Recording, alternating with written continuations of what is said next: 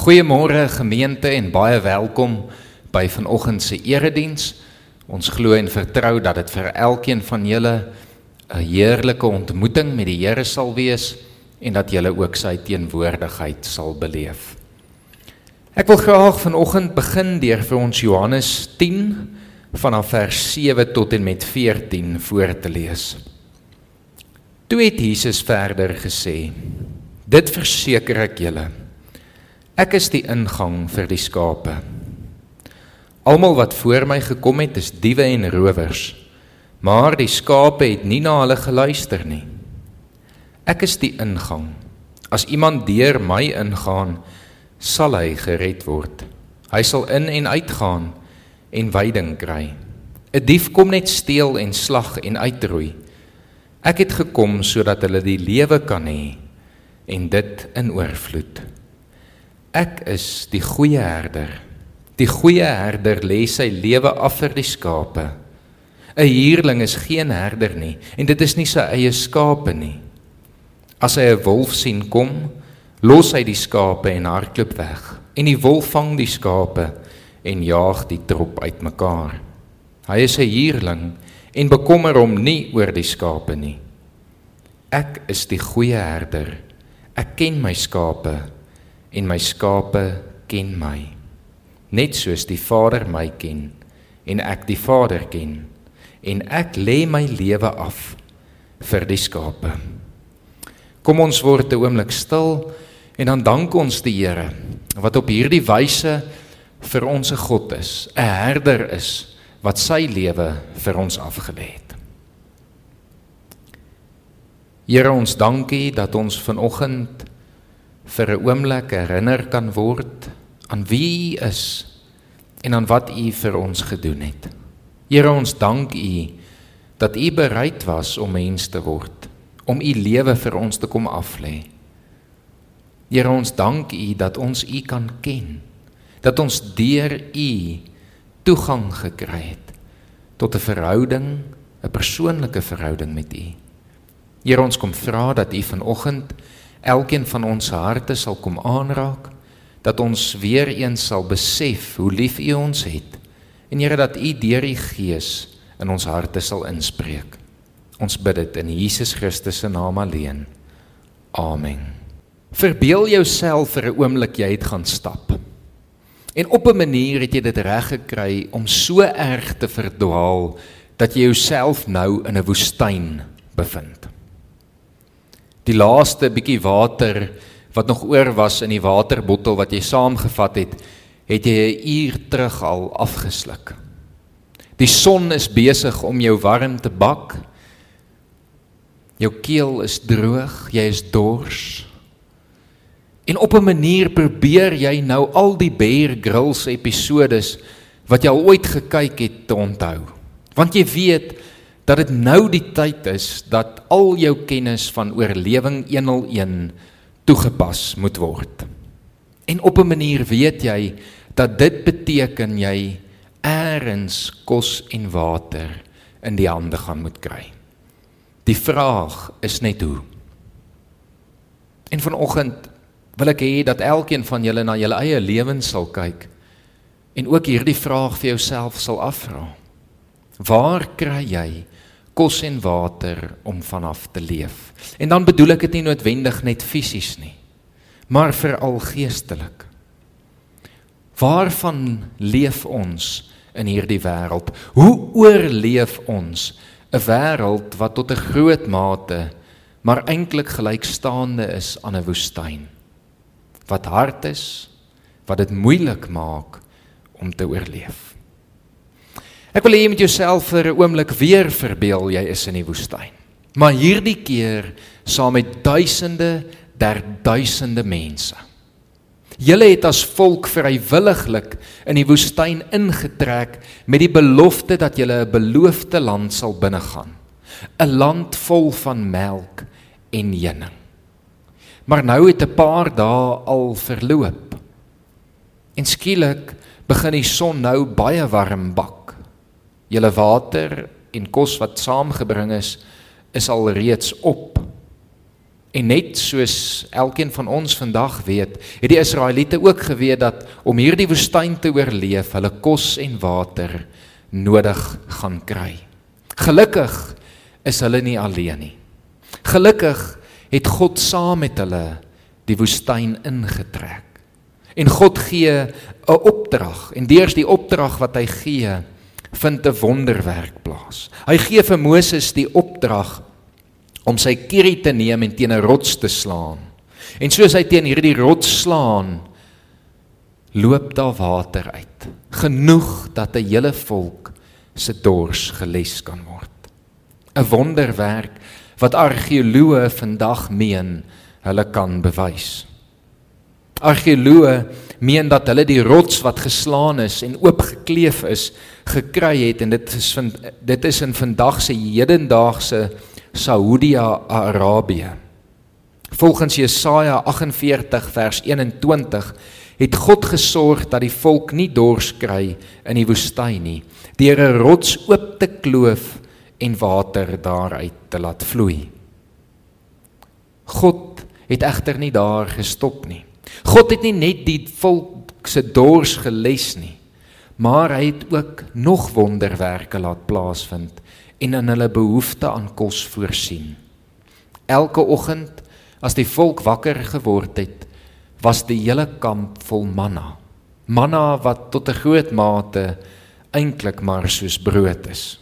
En daarmee saam was daar ook elke dag genoeg kwartels om aan die hele volk se behoefte aan vleis en proteïene te voldoen.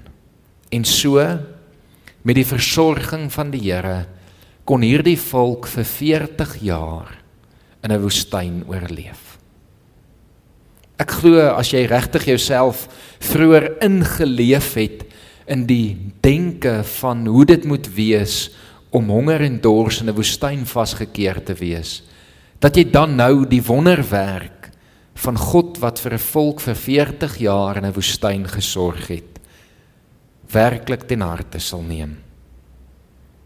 Nogtans moet ek en jy vanoggend nie noodwendig die vraag antwoord oor hoe ons in 'n fisiese woestyn gaan oorleef nie, maar moet ons antwoord, hoe gaan ons dit regkry om in hierdie wêreld wat maar baie soortgelyk is aan 'n woestyn te kan oorleef?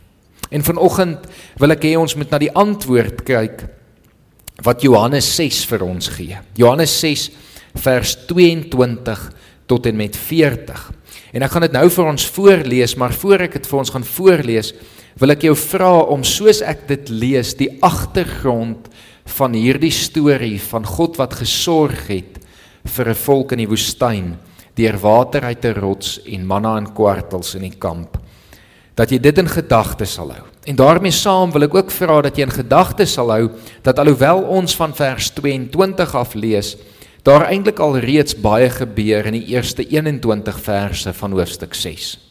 Johannes 6 begin met die storie van die vermeerdering van die brood, 'n wonderwerk van Jesus wat mense se oë laat trek het. En daarna loop Jesus na die disippels toe op die water. Hy het aanvanklik hulle eers vroeër weggestuur en eers later by hulle aangesluit. En ons lees dan vanaf vers 22.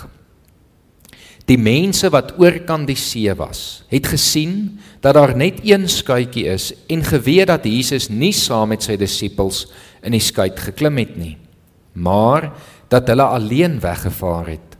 Die volgende dag kom daar toe ander skytjies van Tiberias af na aan naby die plek waar die mense die brood geëet het nadat die Here daarvoor gedank is. Toe die mense sien dat Jesus nie daar is nie en sy disippels ook nie het hulle in die skytjies geklim en na Kapernaum toe gevaar op soek na Jesus. En toe hulle hom oor kan die see kry vra hulle vir hom rabbi wanneer het u hierheen gekom?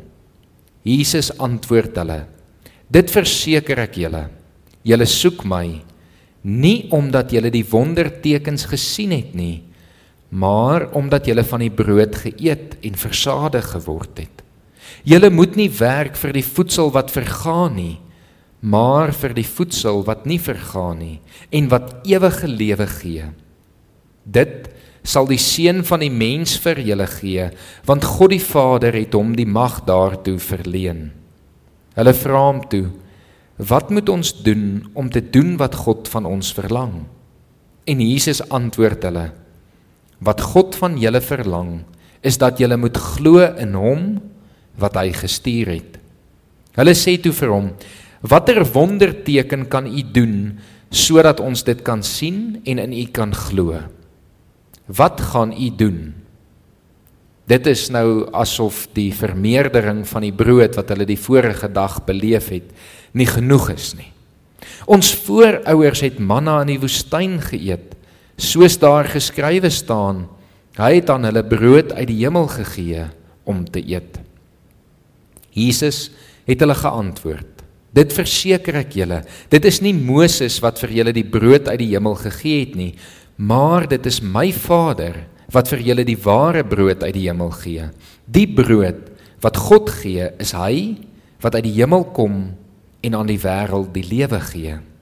Hulle sê toe vir hom: "Meneer, gee ons tog altyd hierdie brood." Maar Jesus sê vir hulle: "Ek is die brood wat lewe gee. Wie na my toe kom, sal nooit weer honger kry nie." en wie in my glo sal nooit weer dors kry nie. Maar wat julle betref, ek het reeds gesê, julle sien my en tog glo julle nie in my nie. Elkeen wat die Vader vir my gee, sal na my toe kom en ek sal hom wat na my toe kom nooit verwerp nie. Ek het van die hemel af gekom nie om my wil te doen nie, maar die wil van hom wat my gestuur het. En dit is die wil van hom wat my gestuur het dat ek van almal wat hy my gegee het, nie een verlore sal laat gaan nie, maar hulle almal op die laaste dag uit die dood sal laat opstaan. Dit is die wil van my Vader, dat elkeen wat die Seun sien en in hom glo, die ewige lewe sal hê, en ek sal hom op die laaste dag uit die dood laat opstaan. Ek lees tot en met sover. Julle is egter baie welkom ook die res van hoofstuk 6 te gaan lees wat nog 'n verdere verduideliking en 'n beklemtoning is van hierdie gesprek en betekenis wat Jesus vir die volk wil oordra. Johannes 6 gee vir ons die antwoord oor hoe ons in hierdie lewe kan oorleef. Ons oorleef hierdie wêreld, hierdie lewe op een en net een manier. En dit is deur Jesus se woorde ernstig op te neem. Wanneer hy sê ek is die enigste weg tot die lewe. Jesus kom in hierdie gesprek met die Joodse volk en hy doen natuurlik dit op 'n briljante manier. Hy gee hierdie antwoord aan hulle en gelukkig op hierdie manier ook aan ons vandag op so wonderlike wyse dat nie een van ons daaroor hoef te twyfel nie.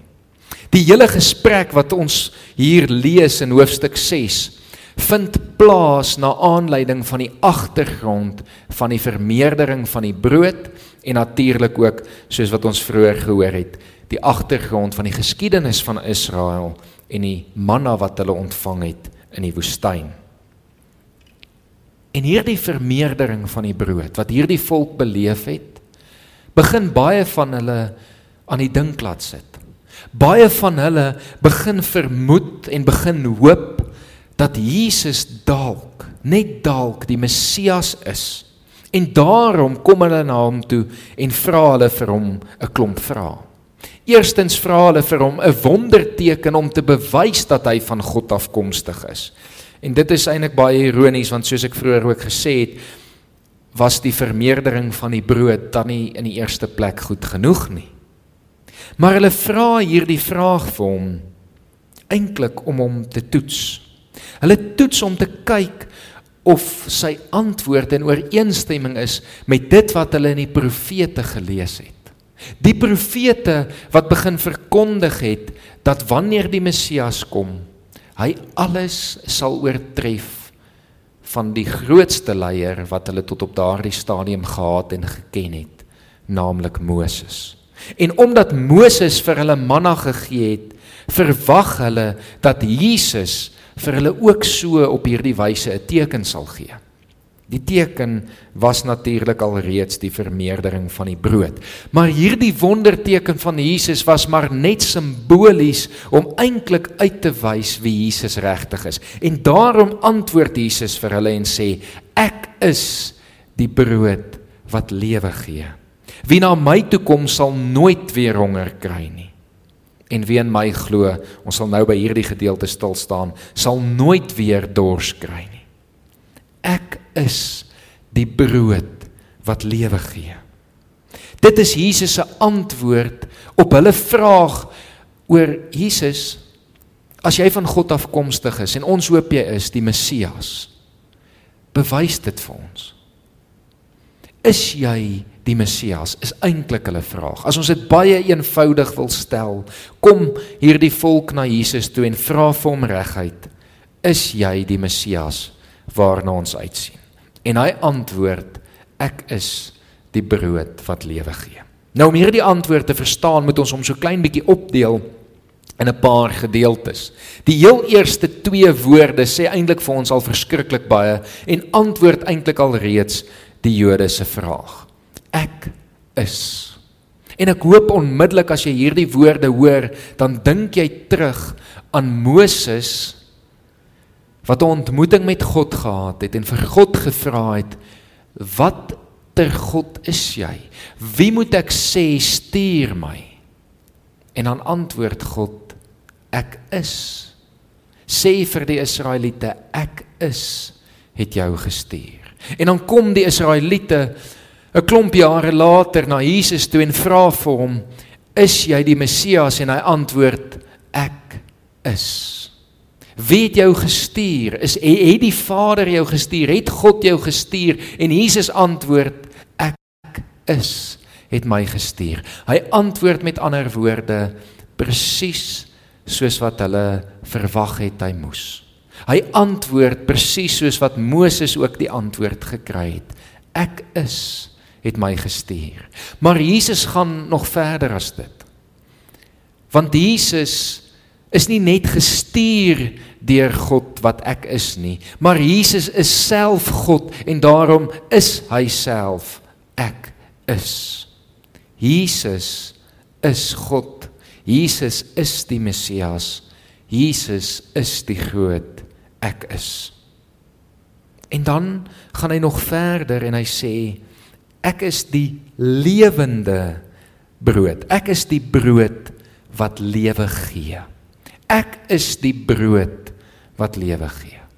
En hierdie antwoord herinner natuurlik die wat na hom luister terug na na Moses se verhaal rondom die manna toe. Hulle is eintlik die wat dit in die gesprek ingebring het om te sê maar Moses het vir ons voorouers manna gegee. Dit het gemaak dat hulle 40 jaar lank in 'n woestyn kon oorleef.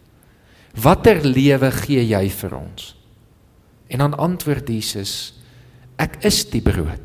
En daarop kom hy en hy sê baie duidelik vir hulle dat as jy van hierdie brood eet, jy vir ewig sal lewe. Dit is net nie 'n tydelike lewe nie. Want op die ou ende elke Israeliet, al was dit vir meer as 40 jaar wat hulle kon oorleef op manna, het uiteindelik gesterf. Maar Jesus kom en sê die wat die brood wat ek gee, my eie liggaam natuurlik wat Jesus kom gee, Wie daarvan eet sal nooit sterf nie. Sal nooit sterf nie. Want soos wat Jesus sy liggaam gegee het, sy lewe gegee het, gee hy vir elkeen wat in hom glo die ewige lewe.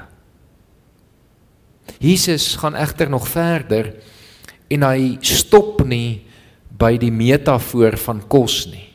Hy stop nie by die manna nie, want Jesus ken immers die verhaal van Moses nog baie beter as die wat vir hom die vraag gestel het. Hy weet dat Moses nie net water nie net manna gegee het nie, maar dat hy ook vir hulle water gegee het. En daarom kom en hy sê en wie in my glo sal nooit weer dors kry nie. Met ander woorde, Jesus kom en soos wat die profete voorspel het, oortref hy dit wat Moses as leier vir die volk gedoen het oortref hy dit in soveel opsigte. En wanneer ons hierdie woorde hoor, dat die wat in Jesus glo nooit weer sal dors kry nie, dan weet ons dit klink so bietjie vreemd tot, tot in 'n manier. En natuurlik was dit baie vreemder vir die wat aanvanklik na Jesus geluister het, maar ons weet vandag dat Jesus al reeds hier gesin speel het op die nagmaal. Dat Jesus deur die brood en die wyn vir ons lewe gee soos wat kos en water vir die volk oorlewing behels het. Ongelukkig verstaan die mense wat na hom luister nie. Ons lees laaster in hoofstuk 6 dat van Jesus se eie disippels hierna geluister het en gesê dit is te erg. En hulle het weggedraai en hulle het hom nie meer gevolg nie. Vir van Jesus se eie disippels was dit te erg om te hoor dat sy liggaam en sy bloed vir hulle lewe kan gee. Want hulle het nie verstaan wat Jesus bedoel met die offer wat hy sou bring deur te sterf aan die kruis nie. Hulle het nie verstaan dat Jesus se bloed soos water in 'n woestyn lewe gee nie. Wanneer ons hierdie gedeelte lees, moet ons egter ook onthou dat alhoewel Jesus hier met die Jode gepraat het, die evangelie van Johannes eintlik hoofsaaklik 'n evangelie gerig is aan Grieke. En daarom word die verhaal so vir ons vertel dat baie van die Griekse gedagtes en mitologie ook hier ter sprake is. En hier in hoofstuk 6 is dit veral ter sprake. Want Johannes kom en hy kom skryf vir die Grieke wat geglo het in verskillende gode, in verskillende mitologieë. Jesus het gekom en hy het lewe kom gee vir alle mense. En alhoewel dit hier baie duidelik is vir die Jode en die Joodse agtergrond, is hier ook 'n baie wonderlike boodskap wat Johannes in hierdie verhaal oordra teenoor die Grieke. Die Grieke wat geglo het dat lewe moontlik gemaak word deur ander gode en veral twee wat hier ter sprake is. Die eerste een is Demeter. 'n god van graan, van brood, van vrugbaarheid. En dan Dionysius, die god van wingerd en van wyn.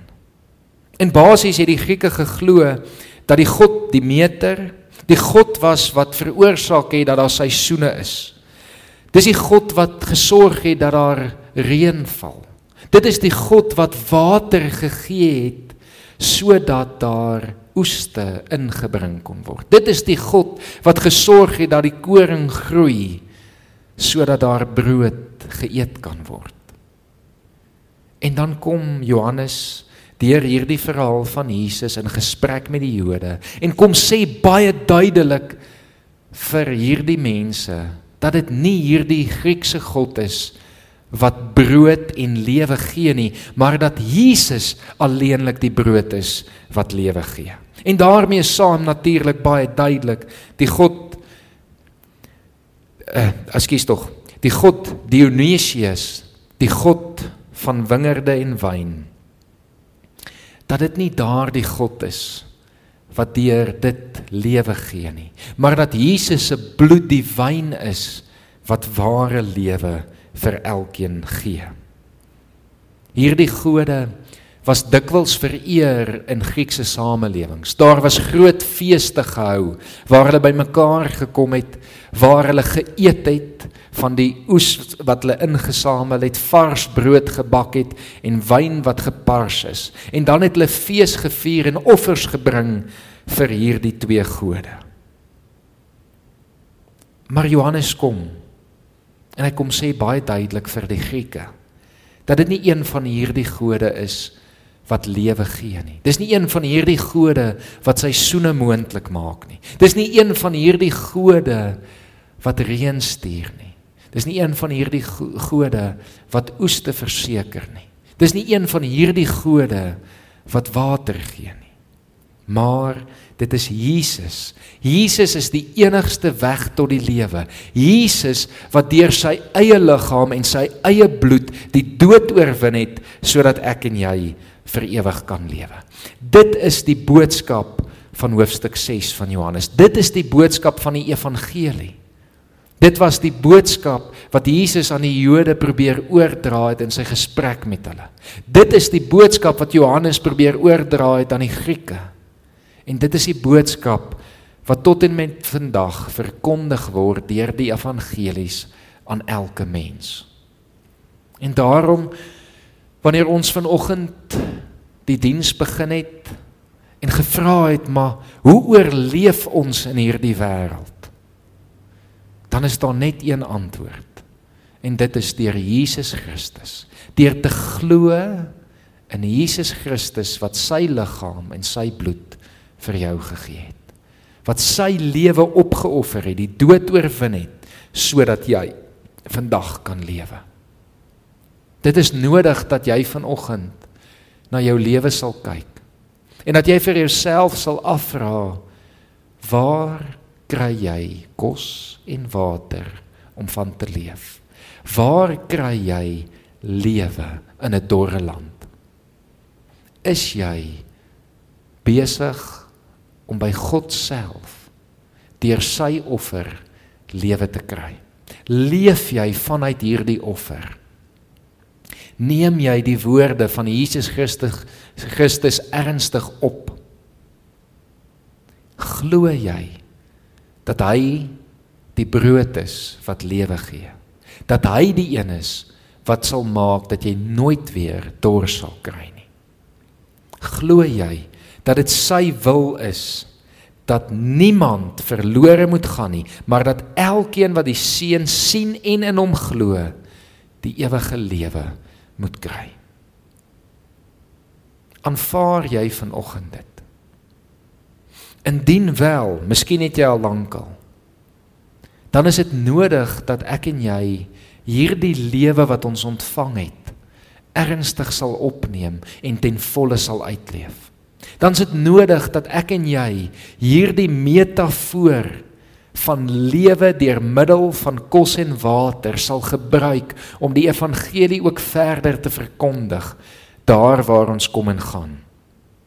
Dit is nodig dat ek en jy die wonderwerk van Jesus se offer in ons eie lewe getrou sal glo en vanuit sal leef.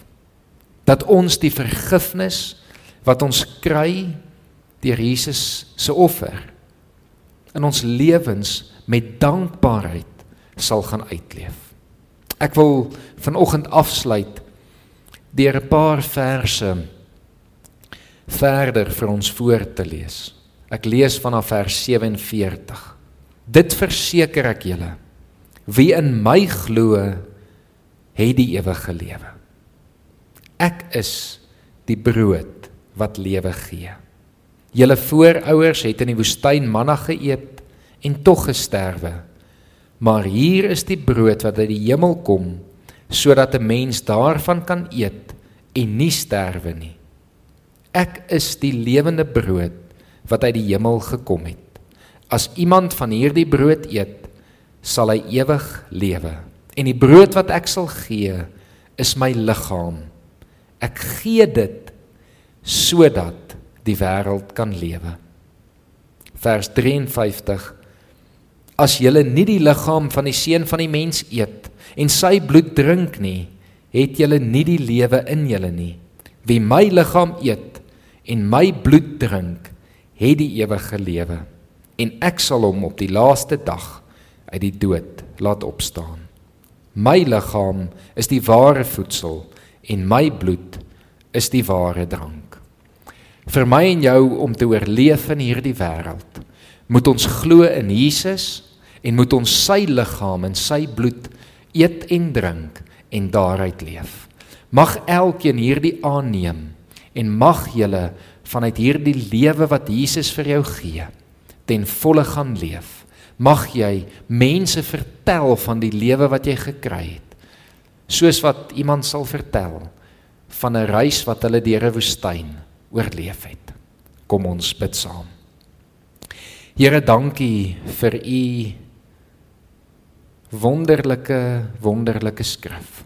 Here wat op so besonderse wyse vir ons dit duidelik kom maak dat U God is. Dat U die enigste weg tot lewe is. Dat die enigste ware voedsel en ware drank by U gevind kan word. Here ons dank U dat U dit vrywilliglik en uit liefde vir ons opgeoffer het sodat ons kan lewe, sodat ons sondes vergewe kan wees en sodat ons uit die dood gered kan word. Here, ons dank U daarvoor. Ons loof U daarvoor.